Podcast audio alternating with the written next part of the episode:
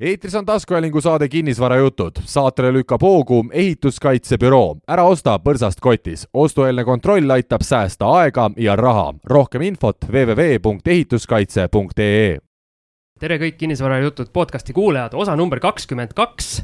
taas kord äh, Manta Maja stuudios äh, Algis Liblik ja Siim Semiskar, tere Algis! tere, Siim!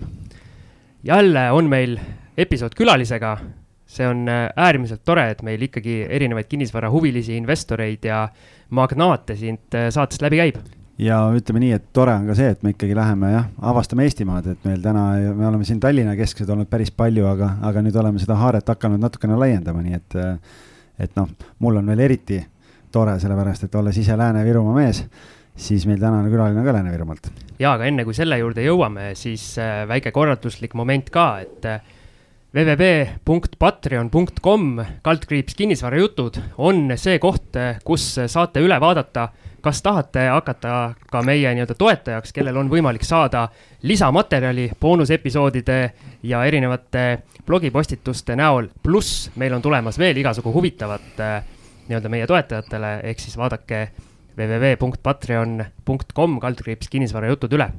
aga sellega on nii-öelda korralduslikud momendid meil räägitud ja saame asuda tänase külalise juurde ja juba enne saadet mul tõmmati siin põhimõtteliselt hing kinni, sest sain teada, et meie külaliseks on täna taekwondo treener. ehk siis Algis ütles, et ma hoiaks oma suu kinni ja, rohkem. Siimul läks kohe jah, siin otsaesine läks punaseks kohe, et ei julge midagi küsida, et eks ma siis üritan täna siin äh, julge mehena ise need küsimused ära küsida. aga nii on, et taekwondo treener ja nagu ta ise ütles, kinnisvarahuviline Marko Levtšenko on meil täna siis äh, eetris tervist, tervist! ja sina oled selles mõttes huvitav mees, et Algis natukene siin rääkis ka, et äh, tegutsed Rakveres, ise elad Kundas, on nii? jah, nii on. kuidas see elukene niimoodi on läinud? no ma ise olen tegelikult äh, Rakverest pärit, aga Kundasse viiski mind äh, sport taekwondo siis oli juba seal olemas või, või seal olid kuidagi soodsad äh, tingimused selle äh, alaga tegelemiseks? pigem seal olid need soodsad tingimused. olete sportkunda korvpalli välja suretanud ja taekwondo on nüüd saali enda kätte haaranud või, või saate kahekesi seal katuse all hakkama? saame väga hästi kahekesi hakkama, et meil on erinevad saalid Algis on vana kossumees, et tema sellistest äh, tõsistest kontaktaladest ei tea midagi. kusjuures, ära räägi, ma olen kunagi, mul onu on tegelenud karateega ja kick-poksiga ja ma olen isegi kunagi käinud Vinni spordihoones siin äh, sihuke poisikesena karatetrennis ja kick-poksi trennis, aga, aga pärast äh, siin mõne, ütleme seal vara teismelise eas pärast äh, mõnegaid kõvemaid maksakaid ja lõuakaid, siis ma otsustasin, et jah, et korvpall on ikka parem mäng ja, ja spordiala, millega tegeleda. Aga alustame sellest, et öeldakse Eestis vähemalt, et noh, et see õpetaja palk ja treeneri palk ja et see on nii niru, et aga meil on siin kinnisvarahuviline, kes on lausa kinnisvarasse investeerimiseni jõudnud eh, selliste ametite pealt, et eh, räägi, kuidas see võimalik on? mina arvan, et see on väga lihtne li,, väga lihtne vastus on selline säästmine. säästmine, kõrvalpanek ja, ja oma esimese objekti ostmine ja siis selle tulu nii-öelda reinvesteerimine kas sina oled siis juba nii-öelda maast madalast olnud seda säästmise usku ja nii-öelda lapsena ka ei läinud eh, poodi algise kombel pulgakommi ostma, vaid panid selle raha kuskile tallele? jah, võib nii öelda, jah no ma mäletan neid viiekümne kopikalisi limonaadipudeleid, et äh, niimoodi oli pappi käes, et äh, ja, ja limps oli nii odav, et sai pritsitud külapoe ees on ju, et vaata noh, kuidas keegi raha kasutas. aga kuidas sa nii-öelda investeerimiseni jõudsid ja mis need esimesed varaklassid olid? no esimene, esimene varaklass oli ikka kinnisvara. alustasid kohe kinnisvarast? alustasin kinnisvarast jah, et jõudsin selleni läbi Rikas isa, vaene isa raamatu issand, mitmes külaline see meil on nagu. Mina ise olen network marketing'iga tegelenud ja jõudsin sealt selle raamatuni, aga meil on ülipalju saatekülalisi, kes on selle raamatu ära lugenud ja sealt saanud, et väga äge. et ma ei mäleta, kuidas see raamat mulle kätte jõudis, et kust ma selle info sain, aga kuidagi ta mulle kätte jõudis, selle ma läbi lugesin väga kiiresti, kusjuures väga huvitav oli. ja sealt see tuluke põlema läks mul. minul oli vastupidi. mis aastal see oli, mäletad? ma arvan, et äkki kaks tuhat kümme, kaks tuhat üheksa, kuskil seal mm. -hmm mina hakkasin seda raamatut lugema siis, kui mul juba esimesed äh, nii-öelda kinnisvaraobjektid olemas olid, et ma tahtsingi nagu vaadata, et mis seal nii erilist on, et see paneb siis paljudele nii-öelda investoritele selle viimase, viimase müksu jalaga tagumikku, et hakata tegutsema. aga mis sina sellest raamatust siis nii-öelda nagu välja võtsid, et äh, see su nii-öelda lausa tegudeni lükkas? no ikkagi see finantsvabadus, et, et, et panna raha enda eest tööle ja, ja siis võib-olla tulevikus istuda palmi all ja, ja, ja ja, ja nautida elu. aga on see eesmärk nagu algusest praeguseni kuidagi muutunud ka, et see finantsvabadus on endiselt see lõppeesmärk? kui nüüd aus olla, siis see on natukene muutunud, et pigem nüüd on tekkinud sellest niisugune ähm, hobi, jah? hobi ja, ja, ja nii-öelda süüa sisu kasvab, et nüüd ma tahaks ju pigem nagu teha suuremaid asju, suuremaid asju ja, ja, ja nii see on. see vist on ka kõigil külalistel samamoodi, et algus on see nii-öelda palmi, palmialune eesmärk ja siis hiljem need äh, nii-öelda muutuvad. noh, eks see on niisugune, mida rohkem sa sinna sisse kaevad, seda põnevamaks see nagu läheb ja mida rohkem targemaks saad, siis hakkad neid uusi võimalusi ja asju nägema, et selles mõttes on nagu kihvt, aga ma mõtlen seda, et kui sa kaks tuhat üheksa, kaks tuhat kümme lugesid, täna meil on kaks tuhat kakskümmend üks, et äh, kust hakkas siis see teadlik tegevus nii-öelda, et okei okay,, või mäletad sa seda hetke ka, et nüüd, et kust tuli see otsus, et pagan, et tahaksid oma esimest korterit osta, et nüüd peab hakkama raha koguma, et kui kaua selleni otsuseni nagu läks sellest raamatu lugemisest siis? Äh, esimese korteri ma ostsin kaks tuhat kuusteist. okei, et ikka oli omajagu aega vahel. kogusin, kogusin raha ja, ja lugesin veel mõne, mõne, mõne raamatu. mõtle nüüd selle peale, Siim. mõtlen. mõtle nüüd. Äh, kaks tuhat üheksa, kaks tuhat kümme inimene loeb raamatut, kaks tuhat kuusteist ostab esimese korteri ehk, ja sinna vahele jääb see raha kogumise aeg. ehk et minu meelest tänases mikrolaine äh, ahju ühiskonnas, kus mõlemad kõik tahavad eile ja kohe ja kiirelt ja asju saada, siis inimesed võib-olla ei tajugi seda, et, et seda pikemat perspektiivi tegelikult, et selleks, et selle esimese korterini jõuda, siin tulebki, jõuame vist ühe esimese saateni, kus me enam-vähem rääkisime, et kuidas oma esimese korteri raha kokku saada, et sa iga kuu paned natuke kõrvale, mingid aastad, et see võtabki aega. et ähm, kas sa siis ainult oma ühe töö kõrvalt eh, nii-öelda suutsid seda koguda või, või võtsid sa mingeid täiendavaid, eh, kasvatasid oma tulusid kuidagi või mis see strateegia seal oli, et kuidas, kuidas see omakapital sul tekkis? no niimoodi töö kõrvalt ma säästsingi ja panin raha kõrvale ja siis, siis mingi hetk mul oli niisugune natuke kallim auto, siis müüsin selle maha, siis mul oli mingi hetk olin nii-öelda mootorrattahuviline, siis mõtlesin, et noh, enam nagu nii palju ei sõida, müüsin selle maha ja, ja siis võt-, läksingi selle tehingusse. noh, loomulikult pangaga, et ma ei ostnud kohe välja ikkagi, võtsin kodukapitali laenu. ausa, ausa inimesena kohe mitte kodulaenu, aga kodukapitali laenu aga kodulaen oli kasutamata sellel ajal? jaa, kasutamata.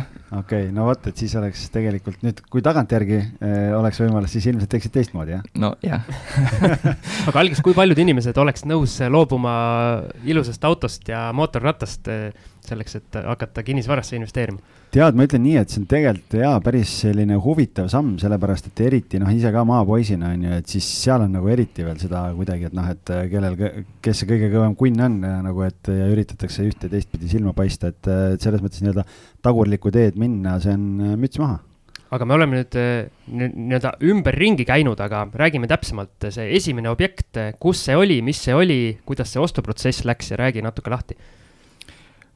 Rakvere, Rakvere, Rakvere linnas oli see objekt ja, ja noh, sellega oli ka niisugune huvitav asi, et kuna ma noh, see esimene tehing ja noh, muretsed ikka natukene ja, ja, ja vot öösel ei maganud ja, ja siis mul oli tegelikult mitme objekti vahel see valik ja siis juhtus ka nii, et ma olen lugenud ka Jaak Roosaare raamatut siis ma kirjutasin Jaak Roosaarele otse Facebooki, et kas pigem see objekt või see objekt ja siis noh, ma tegelikult ei uskunud, et ta vastab, vastas mulle Facebookis ja, ja, ja, ja kuigi noh, ma läksin ikkagi sellele tema vastusele nagu vastupidist teed, kuna see objekt, mis ma ikkagi ostsin, ma nagu mõtlesin selliselt, et eh, kummas objektis ma tahaksin ise elada et eh, Jaak Roosaar ikkagi soovitas siis asukoht, asukoht, asukoht, aga ma ikkagi valisin selle, kus ma tahaksin ise elada. Ja noh, seal üheks suureks nii-öelda trummiks oli siis Suur Rõdu meil on Lääne-Virumaalt ka kuulajaid, et, äh, et. ma vahele ütlen, et Jaak Roosaare käis meil äh, osas number kakskümmend, et kes ei ole kuulanud juubeli osa, siis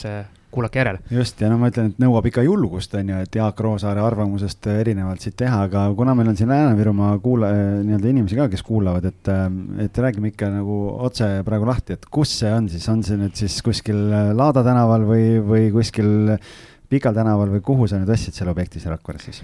see oli, kui nüüd inimesed teavad, Rajapoe taga, Ilupuiestee no,. mõni inimene kindlasti teab see on nii kesklinn, kui veel saab, bussijaama juures kohe. Äh, rajapood ah,, rajapood on, aa, vabandust kaks. Krossi poodi ma ajasin ise sassi, rajapood on linna sisse sõites äh, Jah. just, just, et see on äärelinnas. seda me Aga välja see- ei lõika. aga see piirkond praegu areneb päris kiiresti ju sinna Mõisaküla.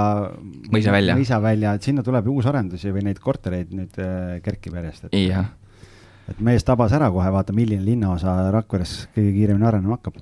no aga ütles ju, et rõdu, rõdu sai see otsustavaks. Aga kui sa nüüd mõtled selle peale, et Jaak soovitas sulle ühte ja sina läksid vastuvoolu, et äh, kas tagantjärgi oli õige otsus?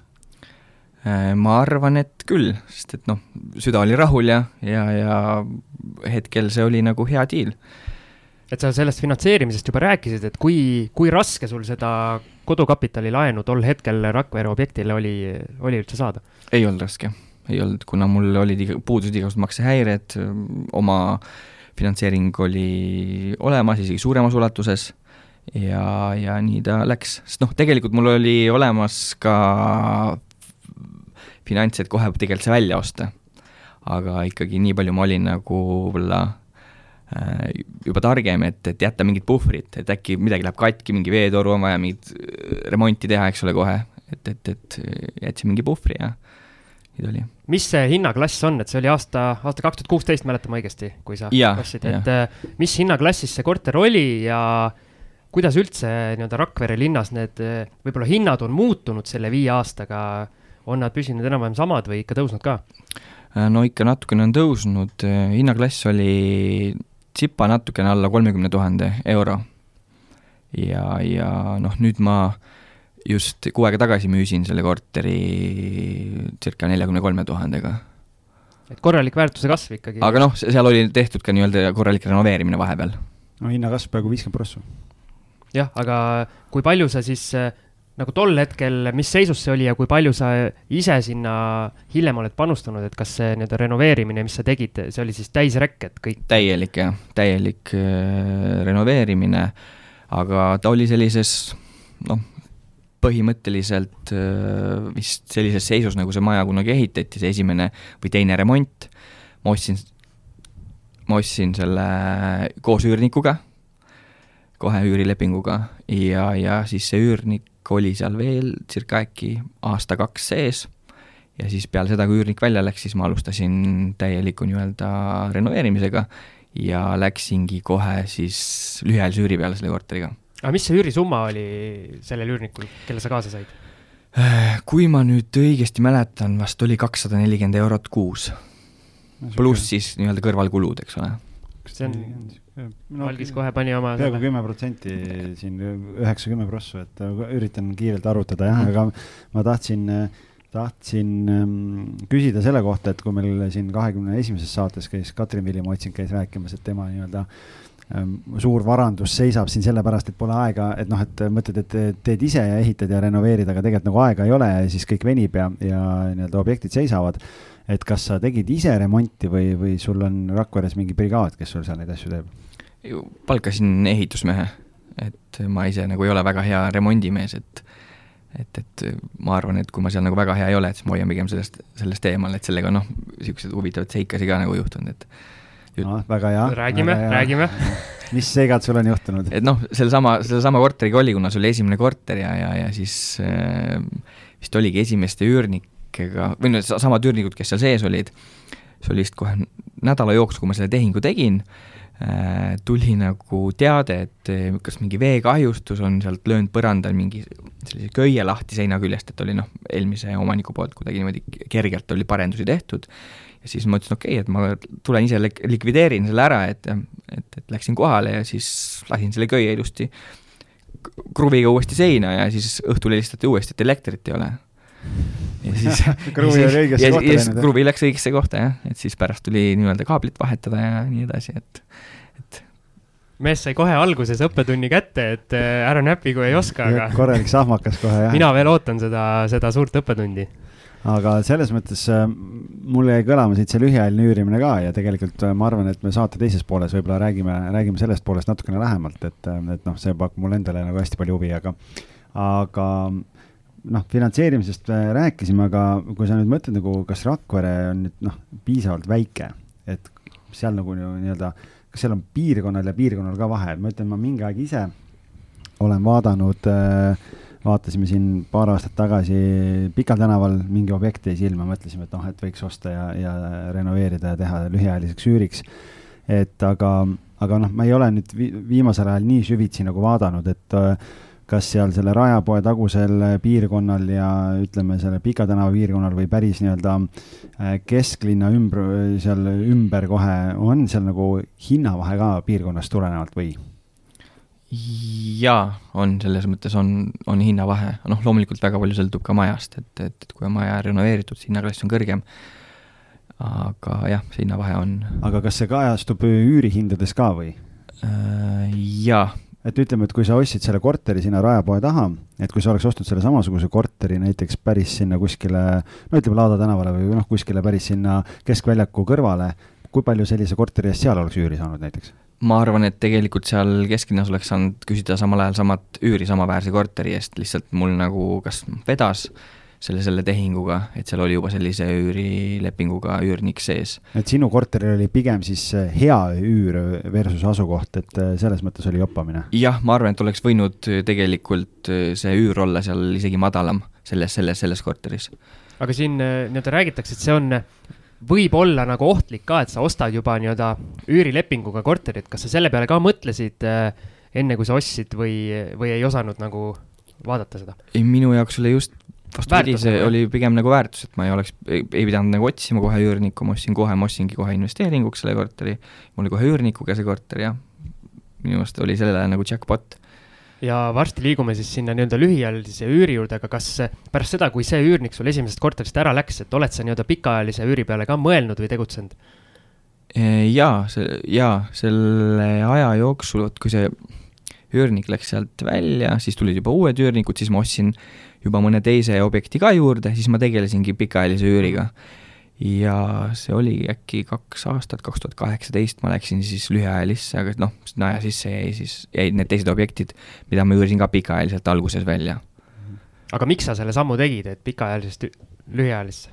tootlus no see on äh, ikkagi päris suur erinevus ja ütleme, ma isegi siin Virumaa Teatajas tegin eelmisel aastal mingi artikli, kus ma võrdlesin natukene seda üüriturgu, vaatasin, ma lihtsalt praegu ei mäleta peast neid numbreid, et äh, oleks võinud enne saadet üle vaadata muidugi, on ju, et täitsa ette valmistamata, et äh, et tegelikult äh, seal minu soovitus oli ka see, et et kes ikkagi tahab nii-öelda eristuda Rakveres, siis eriti praegu, nüüd teil on ju Vallimägi on korda tehtud, kõik suured üritused, mis seal saab teha ja nii edasi et noh, ega Rakveres neid hotelle nüüd liiga palju ei ole, et ega seal Agva ja ja Wesenberg ei jõua kahekesi neid inimesi ära majutada, nii et eh, noh, okei okay,, Villa Theresad ja mis seal veel on, aga, aga noh, ütleme ikkagi mastaapi mõistes, et kui sul mitmekümned tuhanded inimesed tulevad eh, kohale, siis tegelikult seal lühiajalisel üürimisel on seal väga selge point olemas.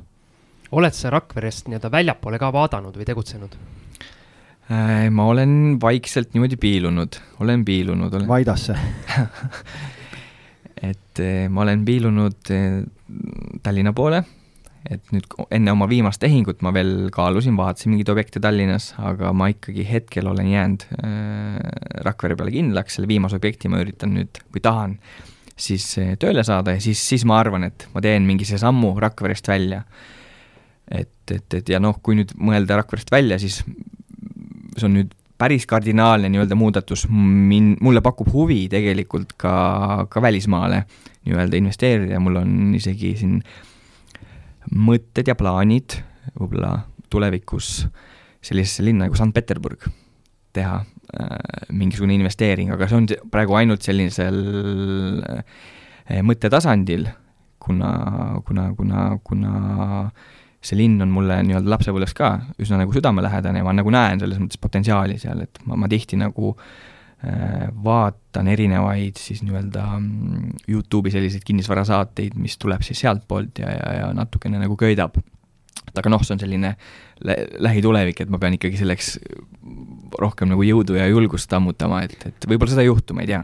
vot meie siin, ma räägin, et Siim on magnaat, on ju, Markos saab oligarh siis, et, et, et, et see on nagu, see on veel nagu samm edasi, et aga, aga selle, noh, minu küsimus on, et kui sa seal Rakveres toimetad, et, et oled Tallinna poole piilunud, et mis jumala vägi sind siia tõmbab, kui sa seal teenid kahekohalist tootlust, et Tallinnas ei ole seda väga lihtne leida, et miks üldse selline mõte? no likviidsus, ma arvan, on üks ja teine on ikkagi see Tallinna suur areng. inimesed tulevad siia. siin on eredamad tuled. jah, no vot, Siim, kuula. No ma üritan just välja kuula, minna Tallinnast. jah, et äh, aga selle Rakvere juurde tagasi tulles, et, et see noh, lühiajaline üürimine ja kõik see pool, aga mõtleme nagu pikaajalise üüriturul, et, et ma tahaks sinu käest seda arvamust saada, et ma ise, kui ma mõned aastad tagasi, kui me seal ka analüüsisime seda ühte objekti, siis ei olnud Rakveres väga palju üüripakkumisi üldse, et hästi hea turg tundus selle koha pealt, kuhu minna, ka pikaajaliselt. Aga nüüd, kui ma seda artiklit kirjutasin seal eelmine aasta, siis ma vaatasin, et oli ikkagi üle üle kolmekümne üüripakkumise oli, ma ei mäleta, kas need olid kahetoalised korterid või mis need olid, et mulle tundus, et on toimunud mingi nihe, et on päris palju pakkumisi tekkinud nagu turule, et äh, kuidas sa ise näed seda arengut seal viimase paari aasta jooksul, et mis seal toimunud on? Ma nüüd ei oska, kuna ma ei ole nii spetsialist, ekspert, et öelda, et mis nüüd seal turul nagu juhtus, aga noh, seda nihet ma nägin ise ka. et sel ajal, kui ma pikaajaliselt äh, oma korterid välja üürisin, siis sealt ma sammutasin ka jõudu, et osta nagu juurde ja juurde, sest nõudlust oli aga kuidagi jälle, kas see ajaline faktor või mis asi niimoodi õigesti rolli mängis, et, et, et ma läksingi sealt üle lühiajalisele ja sellel hetkel siis see pikaajalise üüriturg kohe hakkas nagu kasvama ka, ma ei tea, ma ei tea, mis seda nagu põhjustas, aga aga kuidagi jälle nagu väike selline jackpot nii-öelda. Aga äkki see pakkumine kasvas siis seetõttu, et see investeerimine on äh, nii-öelda laialdasemalt levinud ja võib-olla investoreid on ka nii-öelda Rakverre tee leidnud või siis Rakvere omad inimesed on hakanud kinnisvarasse investeerima? tead sa mõnda investorit äh, Rakveres, kes kas siis pikaajalisel või lühiajalisel veel tegutseb mm,? no mõnda ikka tean jah, selles mõttes, et me igapäevaselt äh, niimoodi ei suhtle, aga mõnda selles mõttes tean jah, kes, kes, kes juba elukondlikku investeerib.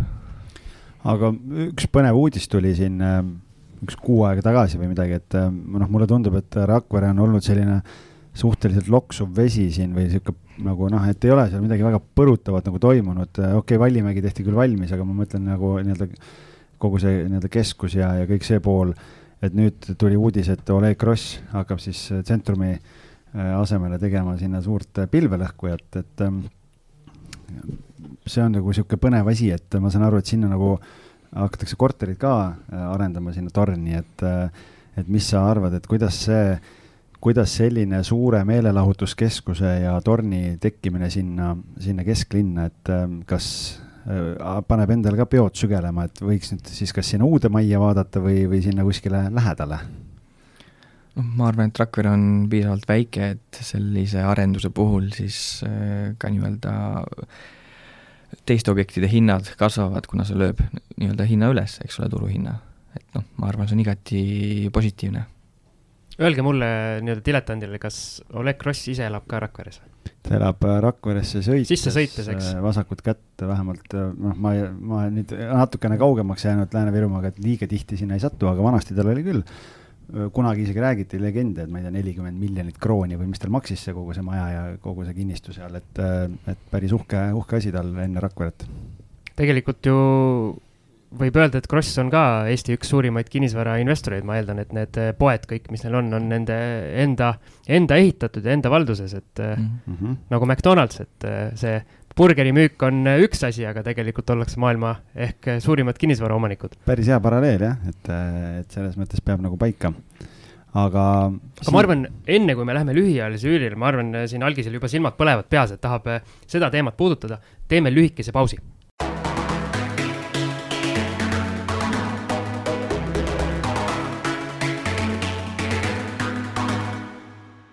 väike paus on peetud ja nüüd ma siis annan sõna Algisele, et äh, lühiajaline üür, Algis, see on sinu, ütleme, leib.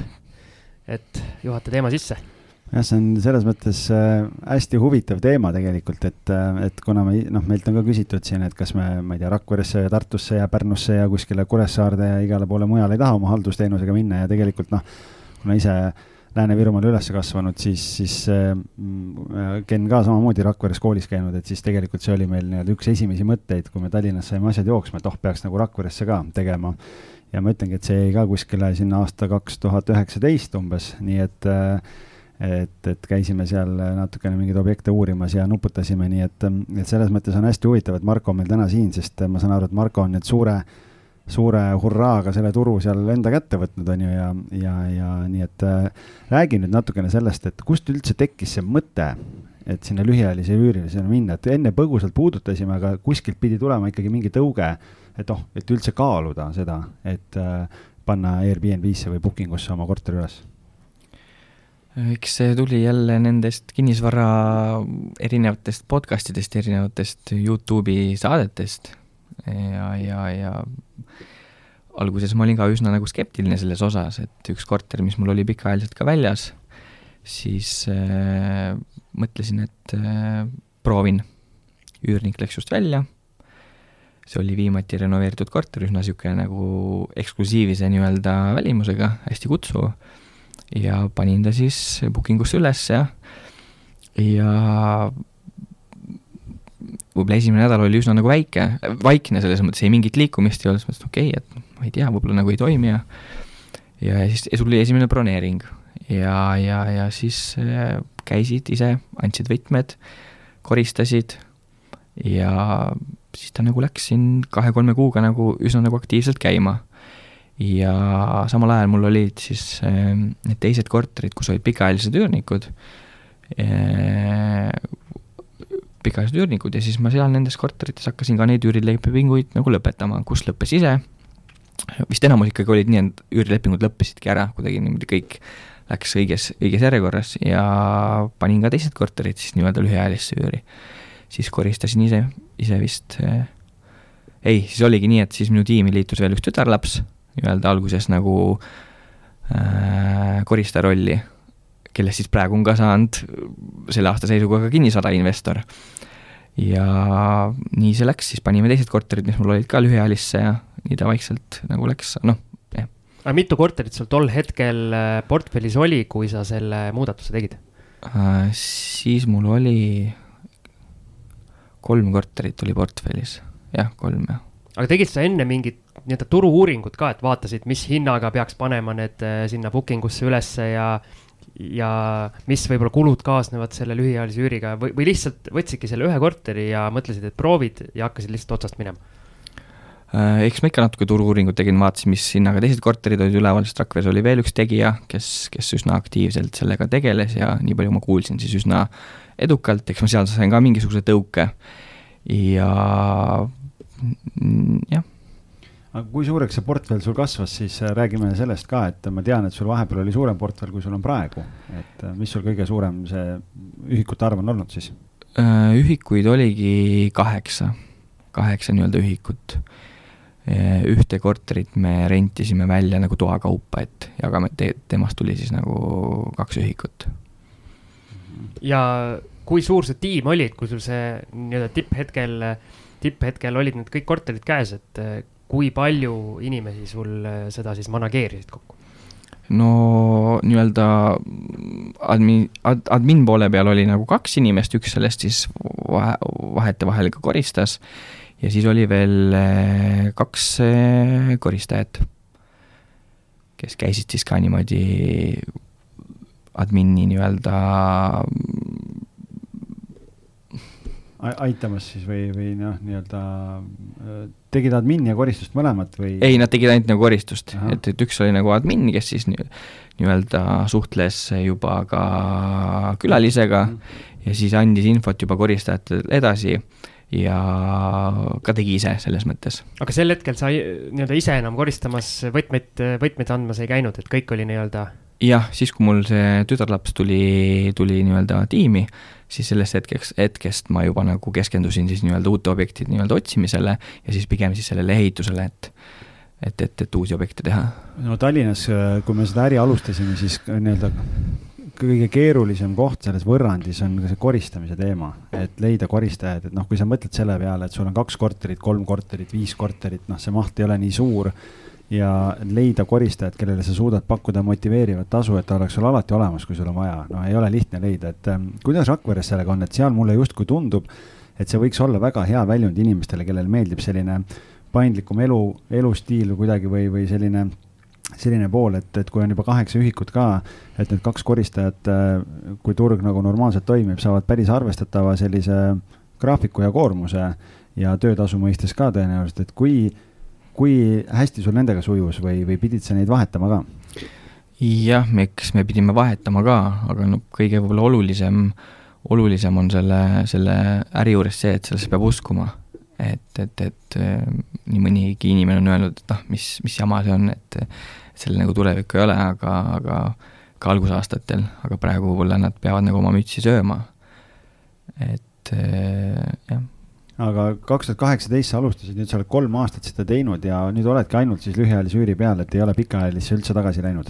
jah, just. aga mis su nii-öelda tootlusootus on, et kui sa ütlesid, et sa keskendusid uute objektide otsimisele ühel hetkel, et mis, mis see sõel oli, mis see number pidi näitama Excelis, et sa objekti soetaksid? no lühiajalise puhul ma nagu olen seadnud mingiks eesmärgi kakskümmend protsenti, et see on nagu see alampiir aga mis need? kakskümmend on ikka väga hästi, sest Tallinnas isegi kui ise teha, siis mingite objektide puhul, kui ma siin klientidele olen kalkulatsioone teinud, noh, siis ma alati toon välja, et kui ise teed, siis teenid nii palju. Ehm, ja kui võtad sinna halduse, haldus, meie haldustasu maha, noh, siis teenid nii palju. et siis noh, ütleme Tallinnas ikkagi siin oli sihuke kolmteist kuni viisteist, ütleme mingite objektide puhul, et kahtekümmet ikkagi väga naljalt nagu Tallinnas ei näe. aga mis su parimad objektid on nii-öelda tootlusena toonud? Parim objekt mul on tootlus olnud äh, circa nelikümmend protsenti. aga see oli niisugune huvitav objekt, objekt ka, et oli nagu aastaid müügis, ta oli aastaid müügis, keegi ei tahtnud ja hetkel, kui ma otsisin uus, uut objekti omale portfelli, siis äh, ta jäi mingi hetk mulle silma. ja, ja, ja ta oli üsna, üsna nagu madala hinnaga, eks seal olid omad põhjused, oli Sokli korruse korter ja niisugune pisikene ja mõtlesin, olgu, ma proovin aga see lühiajaline lõi ta nii hästi nagu käima, et see, see tootlus tuli mm,, tuligi ühe aasta lõikes mingi nelikümmend prossa kindlasti. aga kuidas see Rakvere kinnisvaraturg on, et ma eeldan, et sul on äh, mingid nii-öelda koputajad peale pandud äh, portaalides või tulevad üldse need tehingud sinuni nii-öelda kuskil hämar, hämarat teed pidi või kuskilt laua alt? Ei, mul ei ole neid koputajaid peale pandud ja mul ei ole nagu väga selliseid suhteid veel loodud maakleritega, et kes mulle toovad häid tehinguid ette, et ma pigem ise sirvin portaale ja, ja siis nii-öelda kohalikku lehte. et vaatan niisuguse, niisuguse pilguga. kui palju Virumaa Teatajas või mis see teine, kuulutajas, kuulutajas, kui palju seal neid kuulutusi tänapäeval on kinnisvaras veel? no väga ei ole, väga ei ole, ühe, ühe, ühe objekti ma sealt nagu sain. ühe objekti ma sealt äh, sain ja aga muidu väga ei ole nagu sealt tulnud, et pigem ikkagi on need kinnisvaraportaalid abiks. aga kui Rakveres mingi enam-vähem sinu, sinule sobiv korter äh, müüki tuleb, et siis kohe lööb nagu pulsi lakke ja lähed kohe vaatama või? Mm, põhimõtteliselt peab reageerima kiiresti, jah aga täna nüüd, kui sa oma portfelli vaatad, siis äh, noh, jälle kuna eelinfot natukene kaardistasime, millega Marko tegeleb kui saateks ette valmistasime, siis siis ma tean, et sa tegelikult pool oma portfellist ju müüsid ära, et mis, mis selle muudatuse põhjus oli siis, et? Äh, no ega ma polekski muidu müünud, aga tuli lihtsalt silmapiirile suurem objekt, äh, mille jaoks mul oli siis nii-öelda raha vaja ja siis selle tulemusena ma müüsin äh, kolm korterit ära. sa müüsid ühele ostjale korraga või? ei, kolm erinevat ostjat ühe nädala jooksul, ütleme niimoodi et noh, see oli jälle. hästi müüdud. kõva notaris käib siis et eh, jah, et, et, et seal nagu mängis see aeg rolli ja, ja, ja see objekt, mida ma osta tahtsin, et seal oli teisi huvilisi veel ja ma võtsin selle riski, et ma, ma, ma küll bronni sellist nagu äh, ei pannud peale ja siis ma pigem võtsingi selle riski, et eh, ma müün kiirelt, proovin maha müüa ja hästi toimivad korterid, aga ma nagu näen enda nii-öelda sellist potentsiaali nüüd natukene suuremalt, et ma tahan teha ühe nagu äh, komplekshoone, kus siis on korraga juba mitu korterit. hosteli moodi asi? pigem ikkagi ma olen seda külaliskorteri ust-, usku, et pigem sellised mikrokorterid või külaliskorterid, et midagi, midagi sellist. aga kui me su esimese objekti puhul nii-öelda puudutasime seda finantseerimist ka, aga kuidas nii-öelda järgmised on finantseeritud, et kas sa mingil hetkel läksid nagu ettevõtte alla tegutsema, tõenäoliselt läksid ju, eks? just, just. ja kuidas see finantspool siis hiljem on äh, just nagu pankade ja laenudega välja näinud? Äh, no põhimõtteliselt samamoodi, et äh, tegelikult ma kasutasin teise objekti puhul äh, ka veel kodulaenu võimekust, makstes ära siis nii-öelda esimese kodukapitali laenu, kasutasin siis nii-öelda seda mm, kodulaenu võimekust, ostsin järgmise objekti ja siis ma need üüritulud panin jooksma ilusti ettevõttesse ja sealt siis kasvas ja siis juba järgmised objektid ma ostsin äh, juba ettevõttele, äh, võib öelda, et isegi ilma laenuta. et noh, nad ei olnud, nad ei ole nüüd nii, nii, nii nagu kallid, ei olnud, et äh, oleks pidanud nagu laenu kasutama, et seda finants juba oli. Ja, ja jah aga täna siis on ka, kõik on ainult, ongi omakapitali peal või nüüd oled ikkagi pangaga uuesti? ma nüüd olen nagu seotud ka pangaga selle viimase tehingu puhul, kuna ma jätsin jälle mingisuguse osa nagu puhvrit rahasse, et hakata kohe nagu toimetama. et, et, et võib ju ennast eh, täiesti nagu lõhki laenata, aga sul ei ole nagu vahendeid, et hakata toimetama, siis, siis, siis on nagu jama, et ma olen ikkagi jätnud mingisuguse osa omale rahaks ja, ja, ja noh, plaan ongi nüüd kohe nagu aktiivselt tegutsema hakata. aga tegelikult Margo kutsusime juba mõni aeg tagasi saatesse, aga sattus lihtsalt niimoodi, et ühe, ükskord, kui meil oli salvestusaeg, siis äh, mehel oli samal päeval oli notar, et räägime siis sellest objektist ka, et mis, mis suurem objekt see nüüd on, mis, mis sa siis sinna asemele ostsid? Äh, ostsin ühe äripinna, circa seitsesada viiskümmend ruutmeetrit ja, ja, ja plaan ongi alustada siis nii-öelda teise korruse rekonstrueerimist ja siis sinna teha sellised mm, mikrokorterid, mida siis lühiajaliselt äh, välja rentida. mitu ühikut tuleb?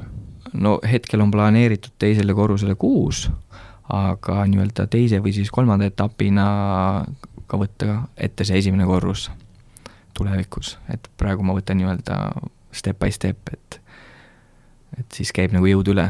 kõik läheb äh, lühiajalisse, jah? Äh, no hetkel on plaan küll, jah. et noh, ei ole nagu ka välistatud, et kuna ma teen need korteritena, mikrokorteritena, et siis neid ju võib rentida ka pikaajaliselt välja, sest et äh, minu nagu kogemus ütleb, et mul on olnud päris pisikesi kort-, need, mis mul portfellis, portfellis on olnud, et osad on nendest päris pisikesed olnud, korterid, et need äh, lähevad kaubaks, et on, on huvi nende vastu. mis see päris pisike Rakvere mõistes on? Äh, kõige pisem, noh, korteri omandina tervikuna oli kakskümmend kolm koma viis ruutu. oli, oligi seesama soklikorruse korter, mis tegelikult tegi nagu üüratult hea tootluse mulle. mis oli nagu väga pikalt müügis, väga pikalt, vist aastaid. ja, ja, ja, ja jah noh, Tallinna mõistes Tallinna ka. mõistes on see päris suur korter juba. just, ja ma tahtsin öelda, tegelikult see Sokli korrus nii-öelda pikaajalise üüri jaoks on ta selline so-so, et äh, osadele ta sobib, osadele ta ei sobi, pigem, pigem on võib-olla raskem üürnikku leida, aga lühiajalise üüriga absoluutselt mitte mingit probleemi ei ole, et, äh, et äh, klientidele sobib, meeldib, nemad ju käivad seal peamiselt söömas, magamas, pesemas, et selles plaanis ei ole seal nii-öelda seda nii suurt vahet, et lihtsalt tema ostuhind tavaliselt on soodsam mm. -hmm. aga siit on algajatele taas kõrva taha panna, me rääkisime seda eelmises, eelmises osas ka, et kuigi meil külalised, keda me kutsume, on juba sellised, kes on juba jõudnud päris kaugele, siis alati tasub tähele panna nende nii-öelda esimesest tehingust edasijõudmine, et siin ka mees ostis kunagi ühe, ühe korteri Rakveres ja nüüd eh, nii-öelda arendab seal ise oma äripinnale nii-öelda väikseid ühikuid, et ikkagi see samm-sammult liikumine kuidagi saab alguse esimesest sammust. jah, ja see on kõik viie aasta jooksul juhtunud, nii et, et see süües kasvab isu lihtsalt ja tulebki need oluline on, et see esimene samm saaks tehtud, et sealt oleks võimalik õppida ja edasi areneda, sellepärast et kui kui ainult mõtled kogu aeg, aga midagi ei tee, noh, eks siis ei, ei saa ka muutuda midagi, et, et selles mõttes on nagu äge näha, ükskõik milline külaline tuleb, et et kuidas see areng on nagu ja eelkõige ütleme, et isegi üks asi on see finantsiline pool, aga siis inimesed hakkavad neid võimalusi nägema. et minu meelest see on, see perspektiivi muutus on hästi suur aga ma siis küsiks edasi, et milline sinu nägemuses näiteks Rakveres on üks ideaalne lühikese üürikorter, et nüüd, kui sa ise hakkad oma pinnale arendama, et siis sa saad ju põhimõtteliselt teha selle ideaalse, et sa ei pea võtma seda juba olemasolevat korterit ja seda nii-öelda ümber moduleerima, et mis need põhilised asjad on, mis lühiajalist rentnikku siis nagu tõmbavad? no ma arvan, et oluline roll on siseviimistlusel Rakveres ja, ja ega hind, ma arvan noh, et ma, mõtlen niipidi, et ma arvan, et siin ei ole vahet, kas see on Pärnu, Heinariga rääkisime, käis meil külas või on nüüd Marko Rakverest või me räägime Tallinnast. et kui me ikkagi mõtleme selle inimese peale, kes tuleb, siis äh, ta tahab ju ennast jälle hästi tunda, et tal ongi täna valida, et ta on võib-olla kogu aeg hotellides olnud, hotellis on ju mingi standard on paigas, aga et noh, kui sa tahad nüüd nii-öelda privaatsemalt olla või omaette, siis, siis ega seda latti ju allapoole ei taheta lasta, et ma arvan, et äh, et seal see sisekujunduse point on nagu hästi-hästi hea, et ta peab ikkagi hea, hubane, ilus, puhas välja nägema. jah.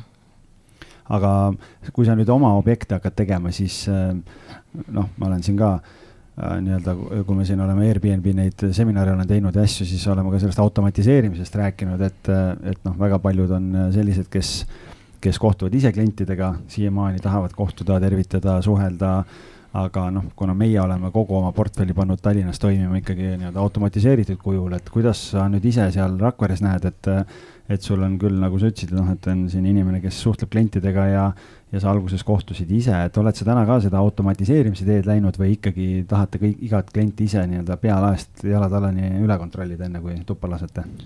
ei, meil on esialgu jah, me kõike tegime ise, käisime kohapeal või andsime võtmed ja tegime dokumendiskoopi ja, ja, ja nii edasi, aga praegu me oleme äh, oleme kõik automatiseerinud, et põhimõtteliselt haldur siis ei puutu kliendiga kokku absoluutselt. et kogu protsess on siis äh, kas läbi mobiiltelefoni või siis läbi arvuti. et äh, kaasa arvatud siis see check-in, eks ole, et, et, et kus siis äh, täidetakse see külastajakaart ja isegi oleme praegu integreerinud siis selle äh, näotuvastuse ja dokumendi nii-öelda match imise, et noh, see on küll selline praegu poolik projekt, et me seda alles üritame ideaalselt tööle saada, aga jah, et, et oleme automatiseerinud.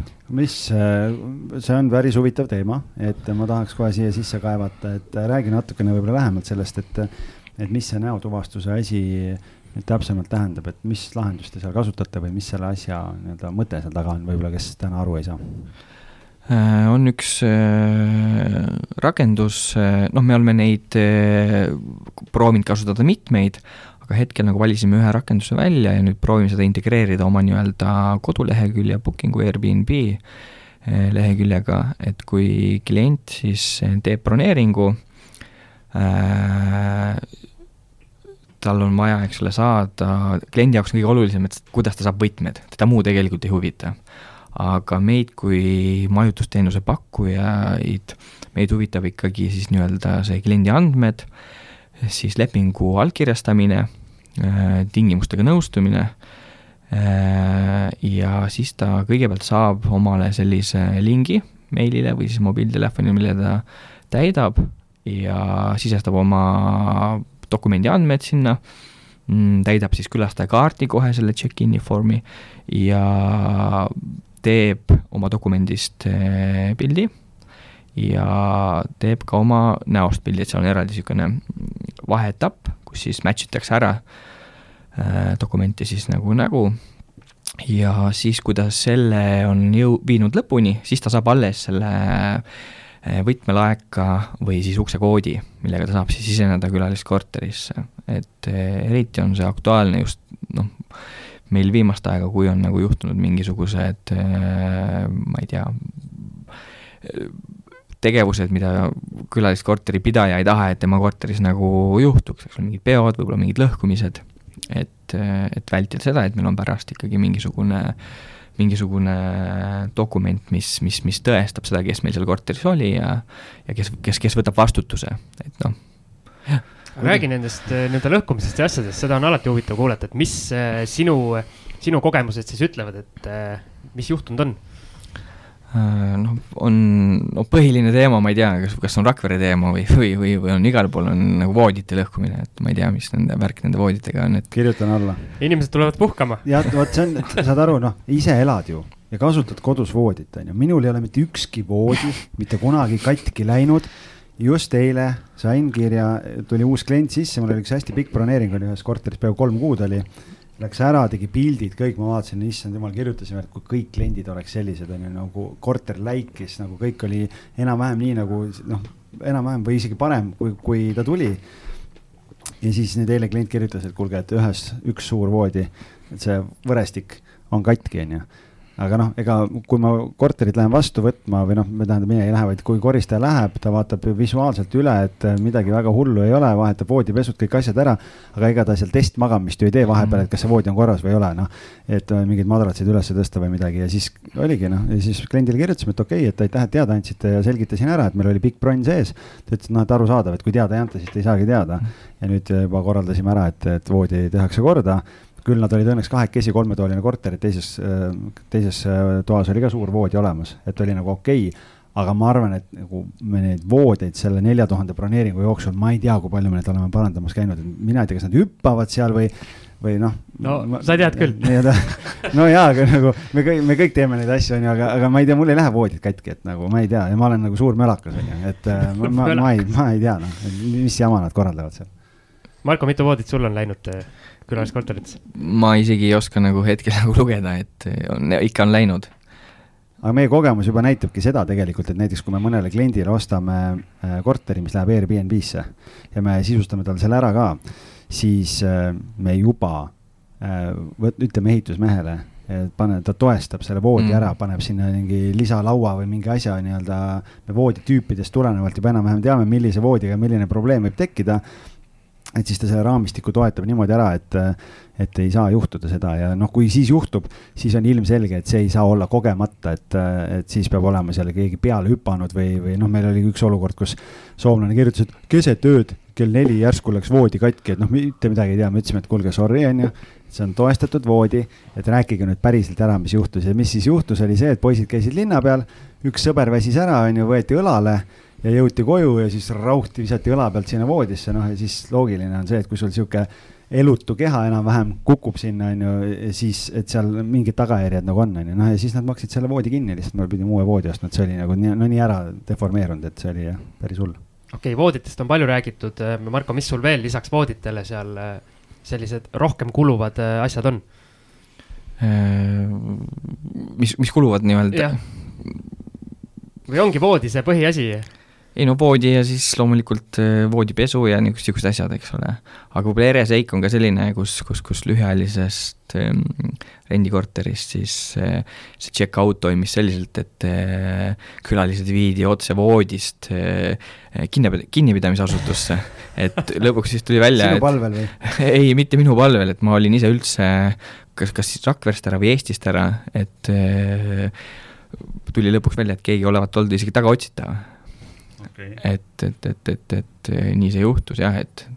aga kas äh, nii-öelda murti mingi uks maha või mindi viisakalt sisse? ei, viisakalt selles mõttes, et äh, poisid magasid ilusti voodis ja, ja, ja, ja siis nad ei läinud välja ja siis seal olevat olnud mingi suurem pidu ja oli lõhutud jälle midagi ja ja siis tuli sekkuda politseil ja politsei tuli ja politsei jaoks oli ka nagu üllatus, et, et, et, et noh, väga hea, et said oma töövõidu ka sealt kätte. et eh, nii see on jah, et ega see külaliskorterite pidamine nüüd nii lihtne ka ei ole, et võib-olla, et nagu paistab, et hea lihtne raha, et panen ta nüüd ülesse kuskile ja siis hakkan ainult kühveldama seda raha. vaid tegelikult seal neid probleeme on ja, ja, ja kui sa nagu oled valmis probleemidega tegelema, siis, siis andke minna, aga kui ei, siis andke haldusettevõttele. jah, just ja seal ongi see, et ega me oleme varem ka rääkinud, et neid üks saade siin vuristasin ette, mis need plussid on lühiajalisel üürimisel pikaajalise üüriga võrreldes, ongi tegelikult on see, et neid probleeme on nii pikaajalise üürikorterites kui lühiajalise üürikorterites, lihtsalt lühiajalise üürikorterites see võib tunduda, et neid on rohkem, sellepärast et lihtsalt kuna kliendid vahetuvad ja sa tegeled nendega jooksvalt kogu aeg pikaajalise üürikorterite puhul võib-olla sul mingi mure seal akumuleerub pika aja peale, noh, et kui sul see üürnik seal pidu paneb, on ju, naabrid kurdavad, kahe kuu pärast kirjutavad jälle, on ju, et mingi jama on siin, mingi pidu, on ju, aga noh, lühiajalise üüri puhul sul lihtsalt on ta nii palju intensiivsem lihtsalt ja selle võrra võib nagu tunduda, et ta on nagu hullem, aga, aga tegelikult nagu noh, ütleme nii, et, et neid asju on, aga, aga jah, et ma ütlen, et äh, on ka pikaajalises üüris. aga ma küsin, kas sul äh, nendes nii-öelda majades ei ole tekkinud probleeme, et sul on äh, lühiajalisel üüril korterid väljas, et kas teised nii-öelda naabrid äh, mingit kisa pole tõstnud? no on ikka selles mõttes juhtunud, aga noh, selline kisa võib ja selline probleem võib tekkida ka tegelikult pikaajalise üürnikuga. kui sa ikkagi üürid välja korterit pikaajaliselt ja seal on selline pidu armastav, eks ole, noormees, kes, kes üle päeva teeb pidu, siis see võib-olla on isegi koormav naabritele, no koormavam kui võib-olla siis kuu jooksul mõni, eks ole, lärmakas pidu, eks ole, mida me siis üritame ka ikkagi enda poolt võimalikult palju nagu piirata, et meil on ikkagi nagu reeglid paigas, mis kellast kellani on öörahu ja nii edasi, et noh, et ma olen ikka üritanud majarahvale selle, selgitada, et et seda võib ka juhtuda pikaajalise üürnikuga ja lihtsalt ka korteriomanikuga, kes sees elab, me kunagi ju ei tea, kes meil nagu naabriks tuleb. et pigem on ikkagi nagu, pigem on ikkagi ilusti aru saadud ja mõistetud seda, et noh, võib-olla selle, selle, selles, sellega nagu seoses mul tuleb veel üks ere seik meelde, et et samamoodi oli üks korter, kus, kus, kus siis äh, külaline kui tahtis sisse, sisse nii-öelda saada, oli nii nagu mm, joobes, et ta enam ei mõistnud, kuhu, kuhu, kuhu minna, kuhu astuda ja, ja, ja siis äh, läks valesti korterisse. siis tahtsid küsida, et ta tikkus naabrile külla või? ja nagu ma aru sain, siis ta kohe oli valmis vist juba voodisse hüppama naabrile. ta sai lausa sisse uksest? ta sai sisse, jah et Rakveres on uksed lahti, ega seal ei ole nii, nagu meil Tallinnas siin, et kolm taba lukku selline, selline nagu olukord oli ja, ja aga noh, õnneks saime selle ilusti nagu lahendatud, et see on päris hea start äh, ühele, klient tuleb sisse ja siis hakkab kohe jamaga pihta, et ma küsin niipidi, et kuna meil Tallinnas, kui turg oli siin äh, noh, Covidi-eelne turg, siis nii-öelda normaalne turg, siis meil oli niimoodi, et umbes üheksakümmend viis protsenti olid välismaalased ja viis protsenti olid eestlased, siis sul Rakveres tõenäoliselt on see osakaal on nagu teistmoodi, et kuidas sul see eestlaste ja välismaalaste suhe seal on? ma arvan, et see osakaal on Rakveres umbes seitsekümmend kolmekümnele, et seitsekümmend, okei okay,, võib-olla vähem, kuuskümmend neljakümnele, kuuskümmend on ikkagi see välisturist aga nüüd Covidi aeg, siis on ainult, äh, ainult siis kas siseturism, mis nüüd on natukene taastunud peale seda esimest lainet, sest esimese lainega oli asi nagu üsna kurb, ja, ja siis äh, erinevad võib-olla ettevõtted, kes, kes, kellel on mingid objektid Rakveres, Rakvere lähiümbruses, mingid spordisündmused, üritused aga jah, selles mõttes see välisturism on nagu noh, täiesti põhimõtteliselt null. mis see keskmine broneeringu pikkus seal on, et kui meil Tallinnas siin on niisugune, ma vaatasin, meil on objektidel mingi kolm koma seitse või midagi, et on pikemaks läinud, enne oli niisugune ütleme kaks kuni kolm ööd seal vahemikus, et nüüd on natuke pikemaks läinud, sest neid pikemaid bronne on nagu rohkem. ja ma isegi tean, et osa ongi muutnud oma strateegiat Tallinnas niimoodi, et nad näiteks üürivad välja nädala kaupa üldse, et alla selle ei võtagi et, et siis kuidas sul on seal, et äh, on, nagu sa ütlesid, kui ettevõtted võtavad, siis võtavad nädalaks-kaheks, pigem on nagu sellised lahendused või on pigem seda üksikut äh, ekslevat turisti? on, nii seda on teist, et ettevõtted jah, võetakse nädala kaupa, üldjuhul ettevõtted esmaspäevast reedeni ja siis nii-öelda see siseturism on ikkagi ühe kaupa, et, et, et, et aga noh, ma ütlen, et praegu see keskmine võib-olla on üks koma viis või kaks, eks ole, et um-, umbes niimoodi, et äh, jah. kes meil siin saates käis, kes äh, oma, oma korteritesse alla kahe öö ei pannud? mina ise olen. sina jah, mina käisin vist mingi saade siin külas, et et jah, et ma just tahtsingi küsida, et kas sul on miinimum ka, et noh, eriti kui nüüd eestlaste osakaal on kasvanud, et äh, Tartust või kuskilt äh, ma ei tea, Uhtnast ei tuleks sinna mingit seltskonda üheks õhtuks Rakveresse pidu panema, et oled sa seda ka limiteerinud kuidagi või pigem mitte? ei, hetkel, hetkel mitte, et me oleme püüdnud ka praegu Covidi aeg seda ühe öö peatujat, aga kui see ükskord läheb mööda, see mm, viiruseaeg ja, ja kõik piirid avatakse, siis, siis ma arvan, et me oleme mõelnud selle peale, et minna ka kahe, kahe, kahe öö peale, et vältida siis veel rohkem igasuguseid selliseid äh, probleeme et aga hetkel me, et eh, hakkama saada ikkagi anname ühe kaupa ka välja. kus Uhtna asub?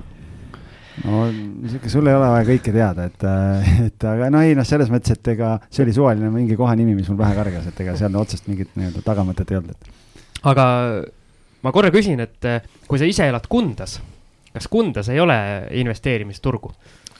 kusjuures kunagi ma isegi proovisin koos sõbraga ma isegi ei mäleta aastat, ühte korterit osta seal ja noh, flip ida nii-öelda, aga see kuidagi tuli flop hoopis? nojah, võib ka nii öelda, aga saime ta ilusti nagu müüdud, aga ka nagu oma sõbrale, kes plaanis just Kundasse tulla. aga sellest nagu tolku ei olnud, aga ma tean paari inimest, kes on üritanud ja vist veel üritavad eh, Kundas midagi, aga noh, ma arvan, et ka praegu on saatuslikuks saanud see Covidi aeg, et et, et, et mingit sellist eh, konkreetsemat statistikat sealt välja tuua ei oska.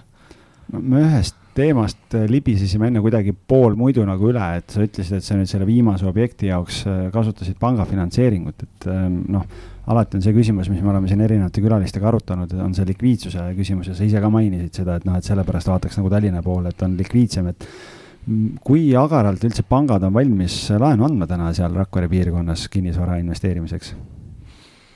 No ma ei oska seda jälle nüüd nii põhjalikult kommenteerida, kuna see on minu nii-öelda esimene niisugune suurem, eks ole, laen, ärilaen kinnisvara, kinnisvara jaoks, siis ma, ma ei tea, aga noh, minul läks üsna nagu sujuvalt. no sul oli portfell juba all, on ju, ja, ja, ja, ja track record, aga oled sa nõus avaldama ka, et mis pangaga sa lõpuks äh, käed lõid? ma lõin Swedbankiga.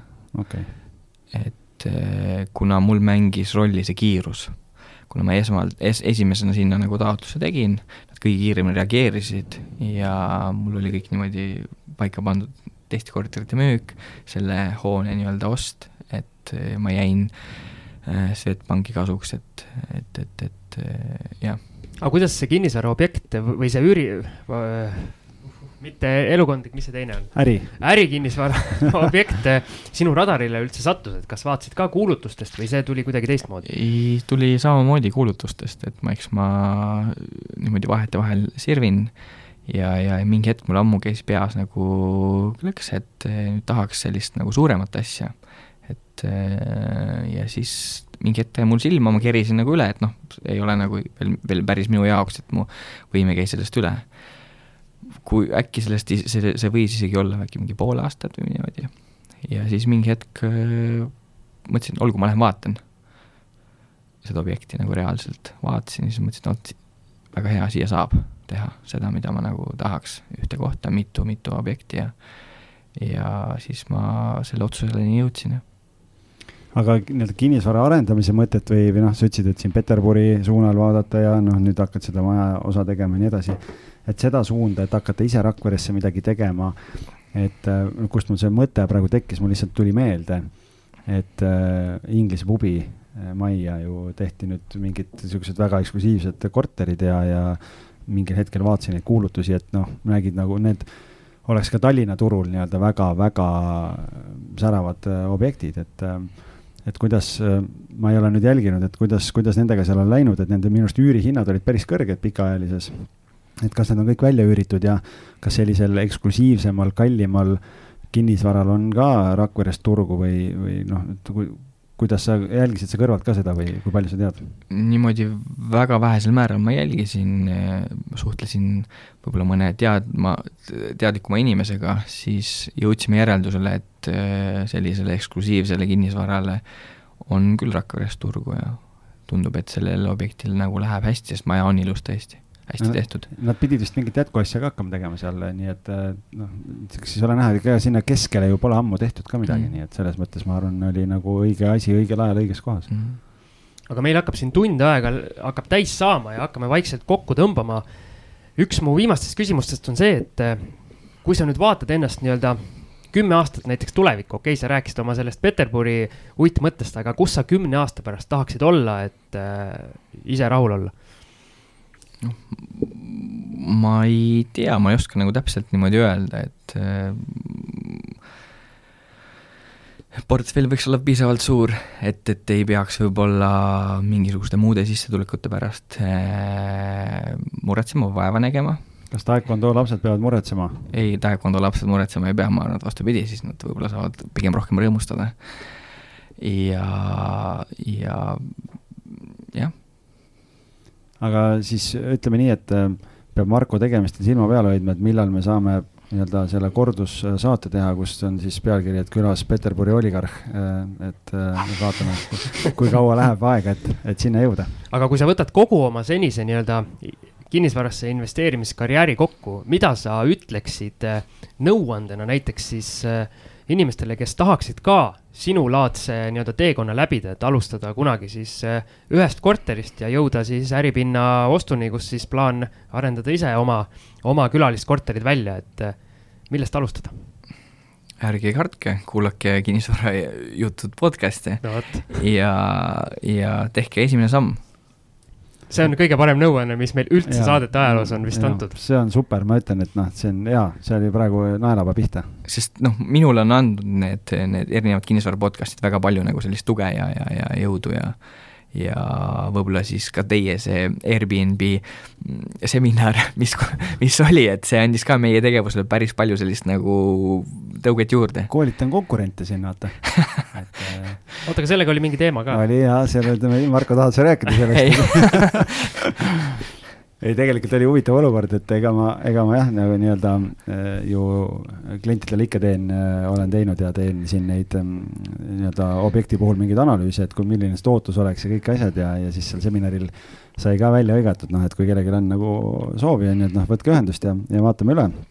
ja siis tuli email mulle ja, ja ma alati ikkagi vaatan nagu tausta ka, on ju, et kes kes see küsib ja, ja noh, nii-öelda natukene aru saada, siis vaatan, et oi, et Rakverest üldse on ju, ja siis kuidagi otsad viisid, vaatan, et oi, mingi apartments kakskümmend neli, mingi sihuke asi ja siis vaatan kodulehekülge, vaatan, oi, lühiajaline üürimine ja siis ma viisakalt vastasin ja ütlesin, et et väga tore, et ühendust võtsite, aga me konkurentide harimisega ei tegele ja, ja nii, et nii ta läks.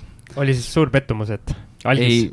jube ülbe absoluutselt mitte, see andis vastupidi nii-öelda võib-olla jõudu juurde ja sellist energiat, et ja noh, selles mõttes, et tegelikult nüüd noh, praegu kaks aastat tagasi võib-olla noh kip, kipatas rohkem sees, aga praegu ma noh, mõtlen selle peale, et ega igale poole ju ei jõua ja, ja tegelikult on tore, kui kuidagi on saanud inimeste teekonda aidata või või, või motiveerida, nii et, et on see siis kinnisvarajuttude saade või mõni varasem seminar, nii et see on selles mõttes nagu, nüüd on nagu äge teada, et, et selline asi on kunagi toimunud. ja kõik, kes algisele kirjutavad, kui ta ei vasta, siis see tähendab, et ta on ülbe ei, pigem täna on küll see, et inimesed kirjutavad ja ma pean vabandama, et, et mõned vastused ikka viibivad, sellepärast et lihtsalt tööd on nii palju ja, ja järgemööda üritan siis vastata ja kõigile nõu ja jõuga abiks olla, kui, kui vähegi võimalust on aga meie tõmbame, ma arvan, tänase saate kokku, lubasime Marko õigel kellaajal siit stuudiost minema lasta. kas lähed notarisse jälle? ei, trenni ah. no vot, lapsed ootavad, me ei taha kindlasti, et taekwondo lapsed jääksid treenerita. aitäh, Marko! jah palun. suur tänu sulle tulemast, jah. et ma viimase asjana veel ütleks, et kui siin seal Virumaa piirkonnas on mõningaid niisuguseid kinnisvarahuvilisi, kes võib-olla ei julge või, või, või vastupidi, on juba teinud suuremaid asju, siis ma hea meelega ka nagu suhtleks, jooks kohvi, arutaks nii-öelda kohaliku nii-öelda tegevuse, mis, mis kohalikus piirkonnas saab teha, et see aitab päris palju kaasa kas, kas või selle esimese sammu nii-öelda tegemiseks või teise või siis võib-olla minu mõne järgmise sammu tegemiseks, et, et, et kuidas suhelda. kuidas sinuga kontakti saab, kas kontaktid on kõik avalikud, leiab üles? ja, jah, leiab avalikult Facebookist ja, ja, ja, ja kodulehed, kõik on olemas. ma arvan, ma arvan ka, et tegelikult kui mõelda selliste, eriti ka väiksemate kogukondade peale, siis tegelikult ei pea üldse mõtlema niimoodi, et appi-appi, noh, et äkki hakkame siin omavahel konkureerima või võistlema või midagi, vaid pigem võiks mõelda seda, et paneme kahe-kolmekesi seljad kokku ja ehitame mingi suure suure ägeda asja valmis, et minu meelest nagu selline üleskutse väga äge. igal juhul, jah. ja mõtle selle peale, kui juba Jaak Roosaare alustavale Markole otsustas Facebookis vastata, siis äh, ma arvan, kinnisvarainvestorid ja investorid üldse on äh, üsna, üsna lahked ikkagi jagama oma nõu ja abi kui see just algis ei ole. Jah, no ma sulle ei vasta, ma teistele ikka järgemööda vastan. no nii see, nii see kipub olema, et ühesõnaga võtke julgus kokku, kontakteeruge ja olgem ausad, Marko puhul ei pea üldse midagi kartma, kuna mees ju ise ka nüüd laiale avalikkusele teada andis, et otsib, otsib mõttekaaslasi või inimesi, kellega minna kohvi jooma ja kinnisvarast rääkima aga enne kui me päris joone alla tõmbame, siis ikkagi äh, ootan ootusärevusega, et meil on varsti esimene kinnisvarajuttude üritus tulemas ja, ja nii, et osadega teist äh, siis juba kohtume siin äh, lähiajal. Ja, ja nii, et eelmistes saadetes ja Facebooki grupis oleme selle üleskutsega juba teinud, nii et, et, et vägev, vaatame, kuidas see esimene üritus läheb ja ma arvan, et siis järgmistes saadetes saame juba väikese tagasivaate sellele ka teha. absoluutselt ja ma arvan, et tõmbame siia joone alla ja aitäh, et kuulasite ja järgmiste osadeni. kõike head